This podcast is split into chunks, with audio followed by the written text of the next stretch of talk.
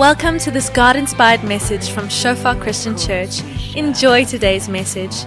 May you experience the presence of our Father and may you grow deeper in your relationship with Him. Oh Jesus, your love overruns. Nee, baie dankie. Ja, dankie vir die geleentheid en dankie vir die tyd wat ek het vanoggend. Ehm um, ek wil vandag begin met 'n vraag en eintlik dit is nou so mooi, Marie het nou amper my preek gesteel. Maar ehm um, so ons het nou gesing koning van my hart, koning. Dis 'n konsep wat ons nie regtig heeltemal verstaan nie. Dink aan die aan die tyd waar daar gesing is van die koning wat so goed was of 'n ekspedisie wat goed gegaan het en nou sing die hele volk. Ons het 'n uh, ons het 'n prentjie van 'n president wat nie noodwendig heeltemal die pad stap nie. Ons is nie noodwendig opgewonde as ons aan hom dink nie. Ehm um, selfde met die konsep van 'n koning. Maar wat van die konsep van 'n God? Het ons het ons regtig daai bewustheid van hoe groot God is? Is hy is hy regtig die koning van my hart? So ek wil vanoggend begin met 'n vraag en dit is wat dink julle is goddeloosheid dan? Ehm um, godloos, goddeloosheid. So ek wil hê julle moet so 'n bietjie dink en dan moet julle vir een persoon langs jou of wat ook al sê wat wat dink jy is goddeloosheid? Die Engels die Engels sê ungodly is nie heeltemal die impak waarvoor ek gaan nie, meer godlessness. So dink bietjie daaroor. Wat is goddeloosheid? En nou sê vir iemand.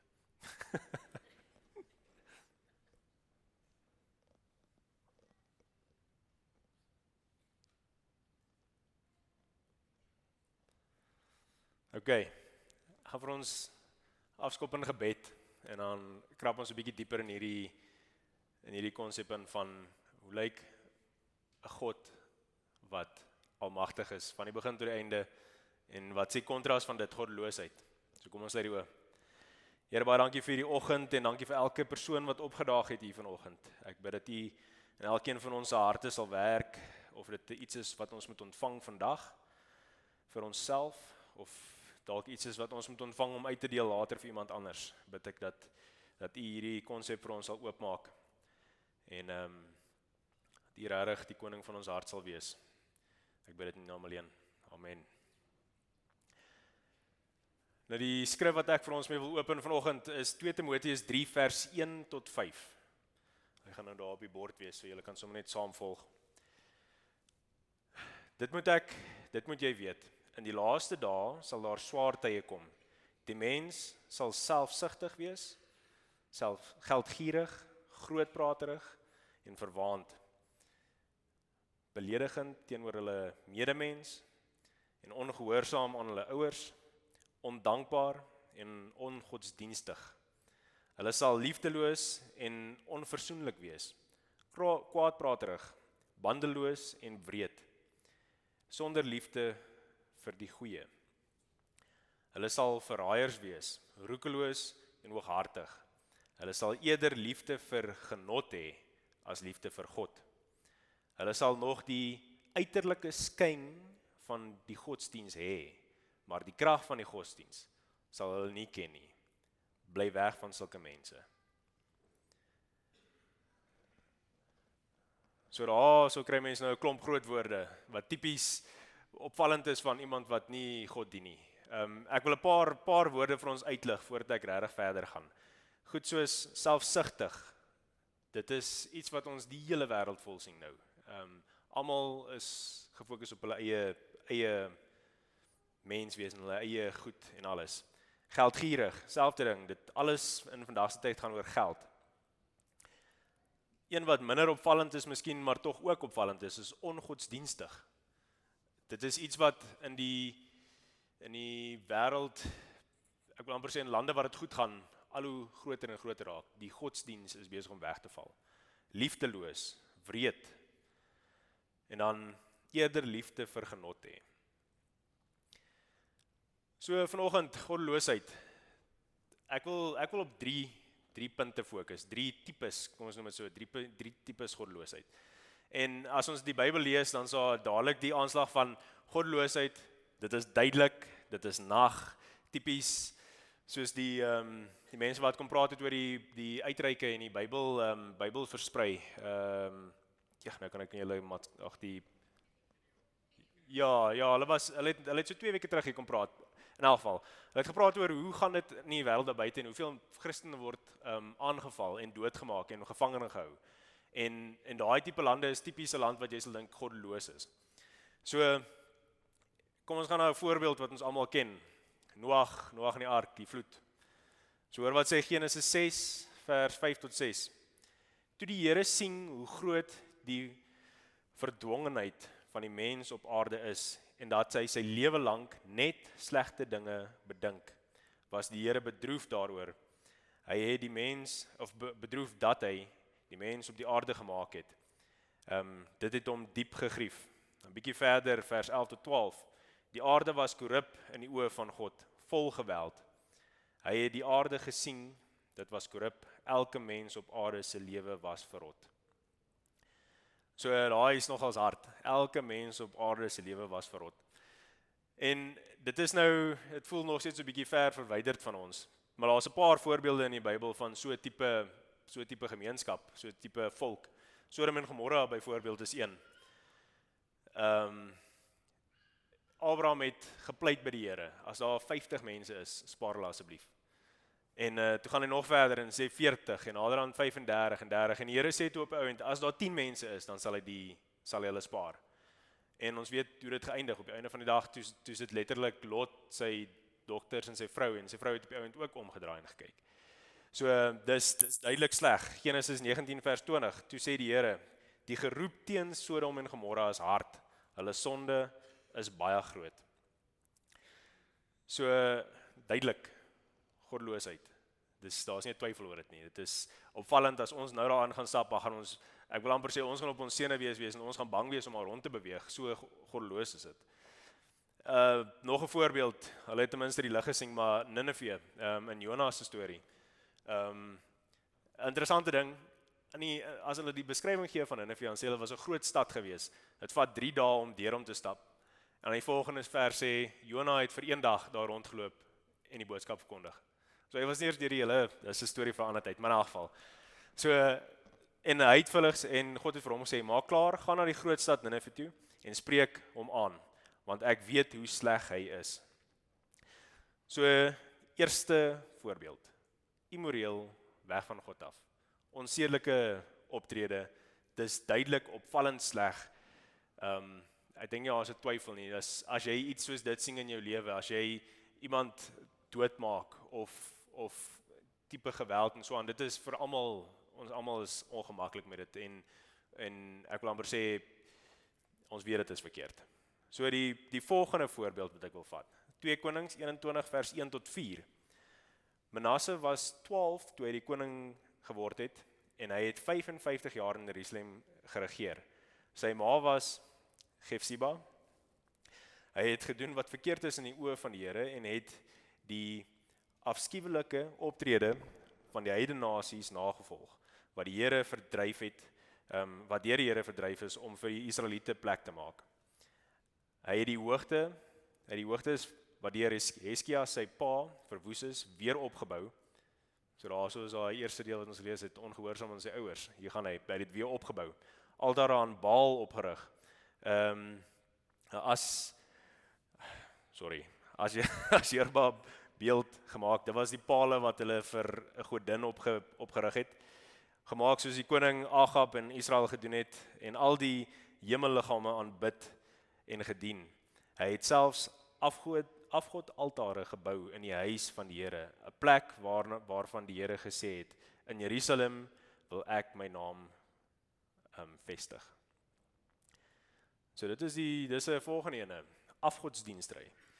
En ek dink ons ons hier in Sekunda ons begin al hoe meer hierdie sing. Ons begin al hoe meer ander gelowe. Ehm um, net aan die kan die trein is Trigard wat nogal so sterk islamitiese ehm um, gemeente het.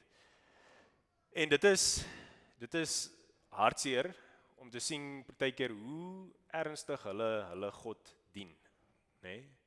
So dis nie dat hulle geen God dien nie. Hulle dien die verkeerde God. Maar dit is opvallend. Hulle dien, jy weet, daai persoon is is ehm um, hy aanbid vir Allah. Jy weet dit. Dit is opvallend. Ehm um, wat ook baie keer saam met 'n geloof gaan is hulle optrede. Jy kan in hulle optrede sien. So as jy nou gaan kyk na die ekstremiese ehm um, islamitiese groepe, hulle is baie gekoppel aan geweld. Kyk na die Midde-Ooste, daar's ons baie aanvalle. Ehm um, jy sien sommer oorlog as jy aan hulle dink. Maar so nou nou sê ons onsself, okay, nie goed nie. Geweld is weer eens dit is nie moreel korrek in die in die al, algemene morele kode nie. Daai geweld is nie goed nie. Maar wat van boeddhisme? Hier het jy nou 'n groep mense wat vrede verkondig. Hulle wil net in vrede optree. Hulle ehm um, hulle word geken aan hulle rustigheid, hulle goedheid vir mense om hulle. Maar weer eens, hulle dien nie die ware God nie. So moreel tree hulle dalk reg op, maar ons weet in die in die oë van die Here is dit ook nie ook nie reg nie. Ehm um, en hulle hoop is ook heeltemal verdraai. Dan kry ons ag nog 'n voorbeeld is hindoeïsme. Ehm um, hulle het weer baie gode wat hulle aanbied. So is weer eens jy kan dit duidelik sien in hulle lewe. Jy kan duidelik sien hierdie persoon aanbid 'n god of 'n klomp gode en jy kan sien dis hierdie tyd is daar een of ander fees wat hulle iets ehm um, herdenk of een of ander vas vir ietsie. So dis opvallend in hulle lewens, net soos die islamiete, net soos die boeddiste, dis opvallend in hulle lewens.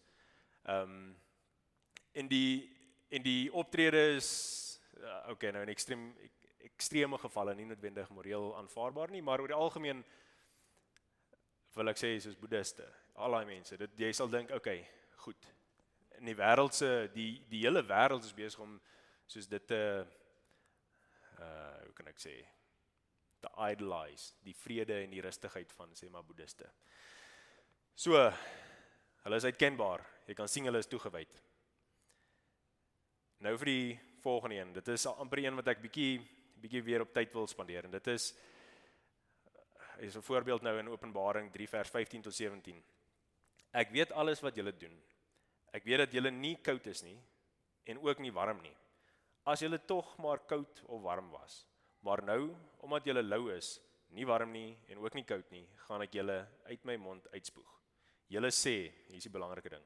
Ons is ryk, skatryk en het niks meer nodig nie. En julle weet nie dat julle eenlendig en beklaanswaardig is nie. Arm, blind en kaal. Ek wil daai vers weer lees. Ons is ryk, skatryk en ons het niks meer nodig nie. Toe ek nou voor voorberei het, toe Google ek nou 'n bietjie goddelose nasies en so aan en toe kom ek op 'n berig af wat duidelik nie deur 'n Christen geskryf was nie. En die die opskrif was: Is goddeloosheid gelyk aan hoe kan ons sê oorlog, morele verval. Is dit regtig soos net terrible? En hy kom toe met Swede en Denemarke. Nou ek weet nie of julle geweet het nie, maar Swede en Denemarke is twee van die lande met die minste godsdiens. Ek ek het eintlik nie geweet nie. Ek was nogals vir okay, ek dog dit gaan goed daar. Weereens, ons is ryk, skatryk. Maar toe ek nou 'n bietjie gaan krap oor oor Denemarke en Swede, toe kom maar goed uit soos hulle was van die heel eerste lande wat selfde geslag partners goedkeur in hulle in hulle stelsel en ook een van die eerste lande wat selfde geslags huwelike goedgekeur het.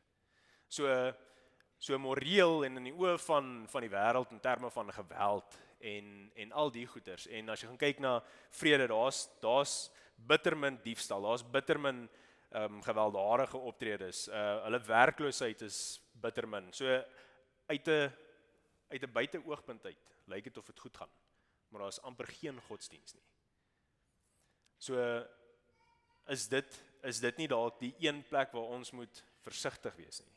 'n 'n tipe skuif in ons geloof is ons besig om op te let dat ons nie besig is om in daai rigting te beweeg nie. Ehm um, die eerste stuk wat ek gelees het was daar Hulle sal eerder liefde vir genot hê as liefde vir God. So daarso is daar's baie goeters wat wat in daai sin 'n afgod word. Al is hulle nie godsdienstig nie. is daar goeters in in die samelewing, goeters in ons lewens wat afgode raak. Goed soos gemak. Dit is dis 'n snaakse konsep, maar gemak as jy heeldag strewe, ek wil so gemaklik as moontlik wees. Ek wil so min as moontlik werk, maar so lekker as moontlik lewe en dit is waar jou hele dag gaan. Dan is jy besig om daai gemak 'n afgod te maak. Selfs met genot, soos hulle hier sê, eer, eerder lief liefde vir genot hê. As jy net nastreef, ek wil ek wil hierdie doen want dit is lekker, ek wil hierdie doen want dit is lekker en dan die kere wat dit nie goed gaan of dit iets nie lekker is nie, dan is jy in sak en as en jou hele wêreld val om. Dan het jou fokus geskuif na genot toe en weg van God af. Dan is daar iets soos werk. Werk is moreel geprys. As jy iemand sien wat hard werk, dan is dit goed. Niemand ek dink wat iemand al ooit gesê, daai's 'n hardwerker, hy is van die pad af nie. Dit is dis nie iets wat gebeur nie. So so werk, werk is goed, maar as jou elke dag se denke, optrede, fokus, al jou krag, al jou energie na jou werk toe gaan, dan is jy besig om jou werk te verafgod. Weereens jou fokus word weggevat van die Here af. Iets soos sport. Dit is iets wat ek in my lewe moes moes mee werk en uitsorteer. Ek het ek het 'n sport beoefen wat ek kon nie ek kon nie wag om te gaan oefen nie. Ek kon nie wag om meer te leer nie. Ek kon nie wag om beter te raak nie. En eers toe ek meen my oë het nie oopgaan tot die Here ingegryp het nie, maar ek moes ek moes 'n les leer om om my fokus weer op God te draai. Om hierdie sport afgod te skuif. Iets wat ons partykeer ook min dink aan as 'n afgod is partykeer die kerk. Ons ons verafgod die kerk. Ons verafgod ons ons alles moet goed gaan. Silna het voor die tyd iets belangriks gesê. Sy het uh, ons het gebid. Toe sê sy ons moet pas op dat ons nie ons fokus van die mense afhaal nie. Dat ons so fokus dat alles moet goed gaan. Die musiek moet goed gaan. Die alles moet in orde gebeur dat ons ons fokus van mense af. So ons moet ons moet pas op dat die kerk of so iets wat goed is nie ook begin ons fokus van die Here aftrek nie. So daai is die 3. Totaal en al immoreel weg van God af. Onsedelikheid. Tweede ene valse afgode. En dit sluit so 'n bietjie aan by by wat ek nou net gesê het in terme van idols of afgode, maar ehm um, ek dink geen godsdiens of of daai skuif in fokus is die derde ene wat wat ek voel ons as Christene moet voorwaak. So as jy gaan kyk na die definisie van goddeloosheid, dan is dit letterlik sonder God, sonder geloof in God of goddeloos. So dan ja, dis 'n dis 'n snaakse ding om te dink in die kerk kan jy goddeloos wees. So kom ons kom ons vat nou na die positief toe. Wat verwag God dan van ons? Hoe kan ons sien of ons optrede of waarmee ons besig is, besig om weg te beweeg van God af? En dit is duidelik in Markus 12 vers 30. En dit is 'n vers wat redelik bekend is van ons, maar dink bietjie oor wat wat nou hier staan. Jy moet die Here jou God lief hê met jou hele hart, met jou hele siel en met jou hele verstand en met al jou krag. So as jy heeldag net dink aan werk, net dink aan werk, net dink aan werk, dan is jy besig om jou verstand van God af te skuif. Oefen, jy's besig om jou krag van God af te skuif.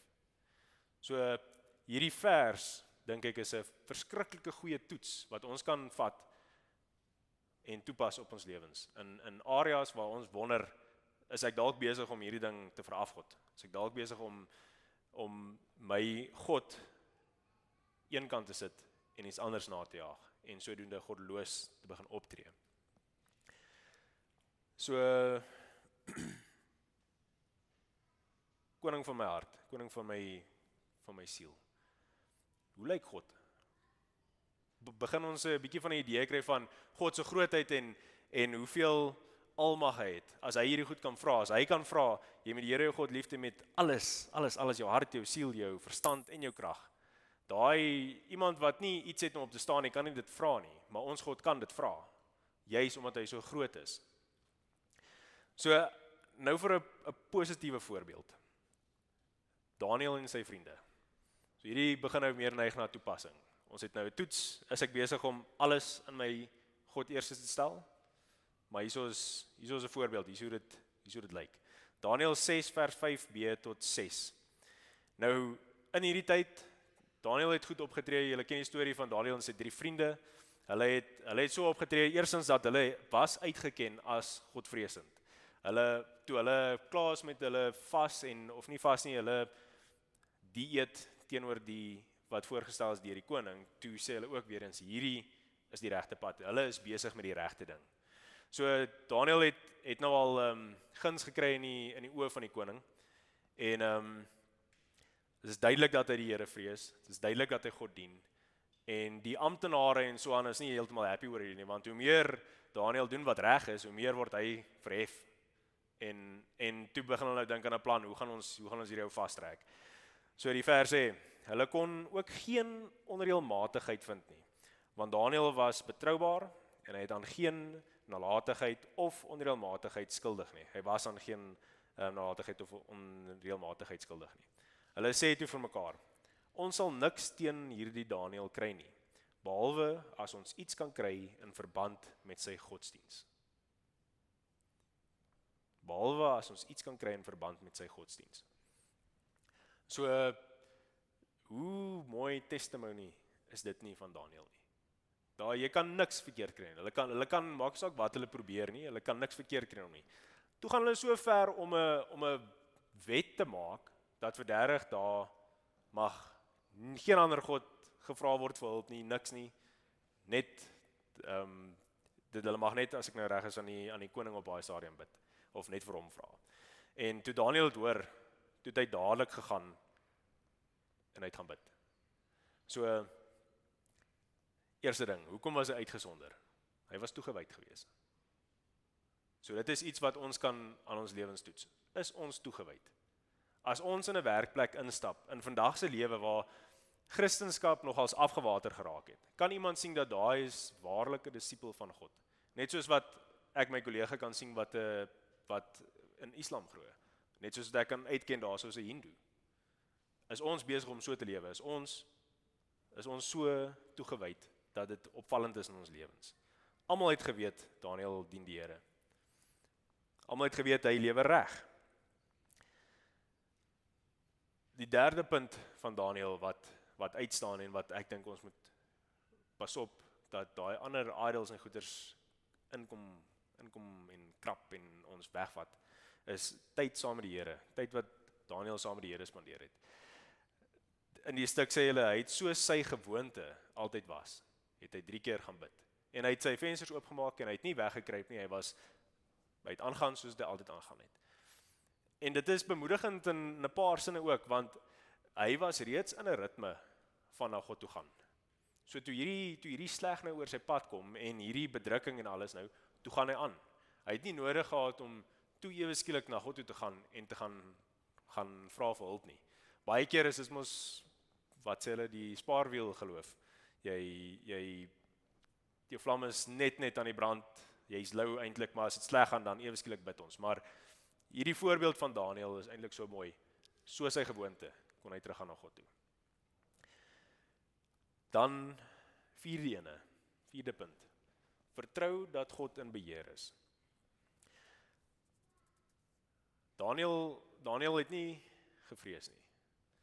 En die interessantheid, sy sy lewe het so gespreek van sy van sy geloof in God en en dit was so sigbaar deur almal dat die koning hoor dat hy dat Daniel het nou hierdie wet wat hy ingestel het oortree, het hy alles probeer wat hy kon om die wet terug te trek.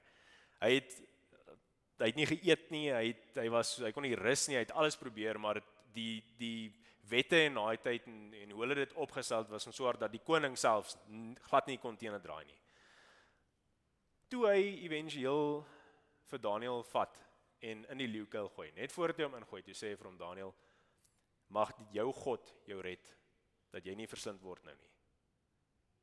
So sy sy die koning het geweet hoe sterk God is. Want hy het nou al gesien met Daniël se drie vriende dat en dit is dis nog 'n mooi ding. Hulle het gesê die Here kan ons red as dit sy wil is. As dit nie is nie, dan gaan ons nog steeds hom bly dien. En daar het hy klaar gesien hoe goed en hoe sterk God is. So dieselfde ding. Daniël het geweet, hy het geweet Daniël dien die Here en ehm um, hy het sê hy hoop die Here beskerm hom. Hy's ingegooi in die volgende dag vroeg toe drie ehm um, son opkom sê hulle, toe's die toe's die koning dadelik daarna toe en hy het uitgeroep, Daniel is jy right? Jy het dit gemaak. En ehm um, en weer eens, die, die Here het vir Daniel gespaar. Ehm um, langs die rekord die koning het toe al die res van die mense nou daar ingooi wat wat droog gemaak het, maar die punt bly staan.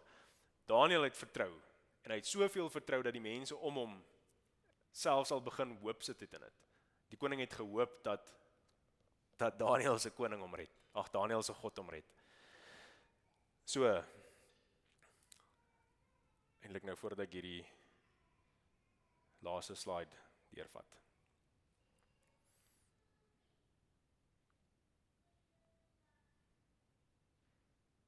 Ja, okay nee. Kom ons begin met hom. In die begin lyk ons lewens anders as die goddelose. So ons het nou hierdie voorbeeld van van Daniël gehad. Ons het nou gesien hoe ander godsdienste lyk. En hier's 'n paar vrae waarmee ek wil afsluit, maar ek wil hê ons moet so 'n bietjie oor dit dink. Ek sou spyt alles as jy op een slag want se mense gaan hy om verder te lees, nê. So laat ek dit ek gaan dit lees, nog nie op die skerm sit nie. die eerste vraag. Het ons onsedelikheid in ons lewens of in ons harte? En in ons harte is die kern hierso. Want in ons leeftyd en in ons in ons mens mensdom hierso in Suid-Afrika en alles is daar sekere goeders wat as jy dit gaan doen dan gaan jy toegesluit word.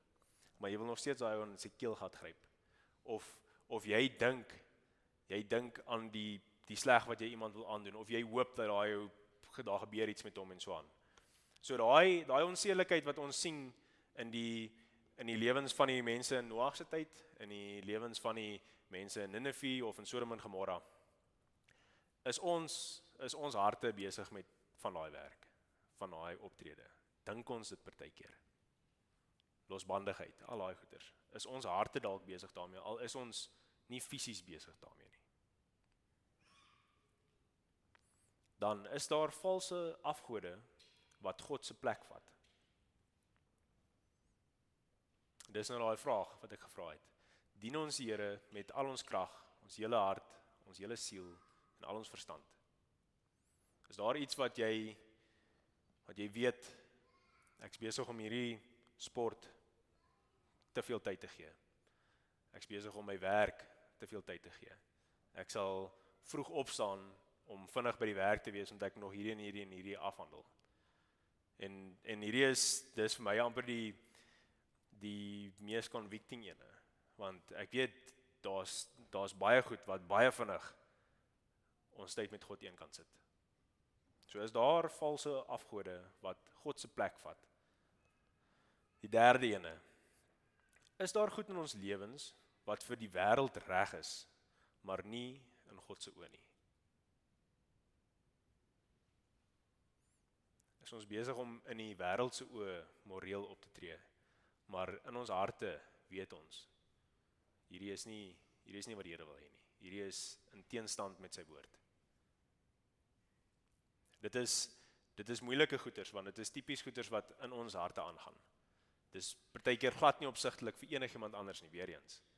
Partykeer het jy een of twee mense wat wat saam met jou hierdie pad stap wat nie goed is nie. Wat jy moet opstaan. Vierde ene is ons toegewyd. Soos ek nou nog vra het. Lewe ons so dat iemand kan uitken dat daai is 'n disipel van Here. Hy sien net die algemene Christen wat ons vandag sien nie. Hy volg die Here. En dan die laaste ene. Vertrou ons dat God in beheer is. Weet, is ons is ons soos Daniël, is ons soos sy vriende wat sê die Here kan ons red. As hy nie doen nie, dan weet ons nog steeds hy is in beheer. Die die positiewe van hierdie is ons het die Heilige Gees gekry. Ons het die Heilige Gees en baie van hierdie goeters voel vreeslik swaar, vreeslik dis moeilik jy kort guts om om op te tree soos wat die Here wil hê. Jy kort ehm um, guts om daai ding wat niemand van weet nie eenkant te sit. Dit is nou dit eintlik nou great dat encounter 3 net om die draai is. Is daar dalk iets wat wat jy voel ja, ek weet nie of ek moet gaan nie, maar ek dink wil gaan gaan. Dit dit kan geadresseer word. Ehm um, dis nie maklik nie, maar die Heilige Gees is met ons. Ons is ons is een stapie selfs al verder as wat Daniël hulle was. Ons het 'n helper. Die Here het vir ons 'n helper gegee. So Stefan as jy vir ons daai slide daar kan opsit. Ek gaan ons so 'n tydjie gee om te bid. Ehm um, daar gaan mense na die tyd ook wees wat voor gaan wees as jy wil kom bid saam met hulle. En dan gaan ek vir ons afsluit en dan ja, voel vry om vorentoe te kom of saam met die persoon langs jou te bid en alles, maar vat 'n tyd. Kyk nou daai vrae. Ek weet daar is baie van hierdie goeters wat wat ek al in my lewe moes aanraak. So kom ons lê die oë. Kom ons vra dat die Here eerlik en reguit is met ons, dat ons sal besef dat God God is groot. Dis nie soos wat die wêreld omskep nie.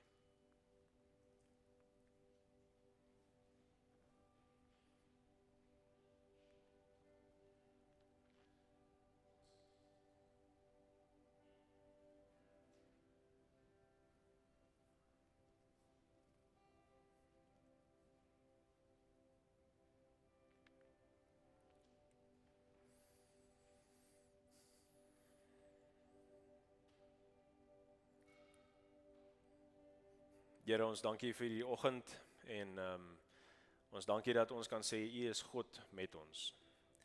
U is nie ver nie, U is nie 'n nie 'n kalf wat wat deur mense se hande gemaak is nie. U is nie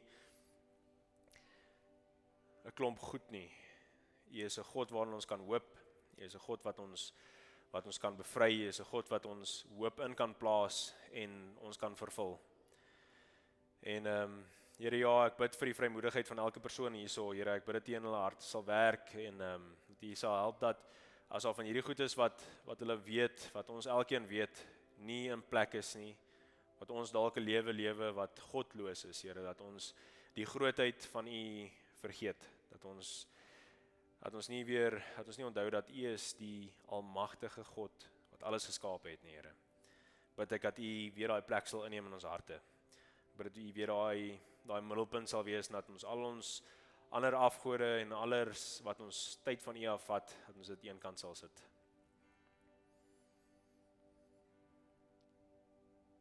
Here ons dankie vir U liefde en ons dankie vir die Heilige Gees wat U vir ons gestuur het. En ons dankie vir vir wat ons laas naweek herdenk het dat U vir ons kom sterf het, Here en en in dit het ons hierdie hoop dat ons kan vrykom van al hierdie goeters, Here. Ons weet dat dat U goedheid is daar vir ons uitgestort, u liefde, u genade. En Here ja, gee ons gee ons die vrymoedigheid om dit aan te gryp en deel te maak van ons lewens. Ek bid dit in naam alleen. Amen.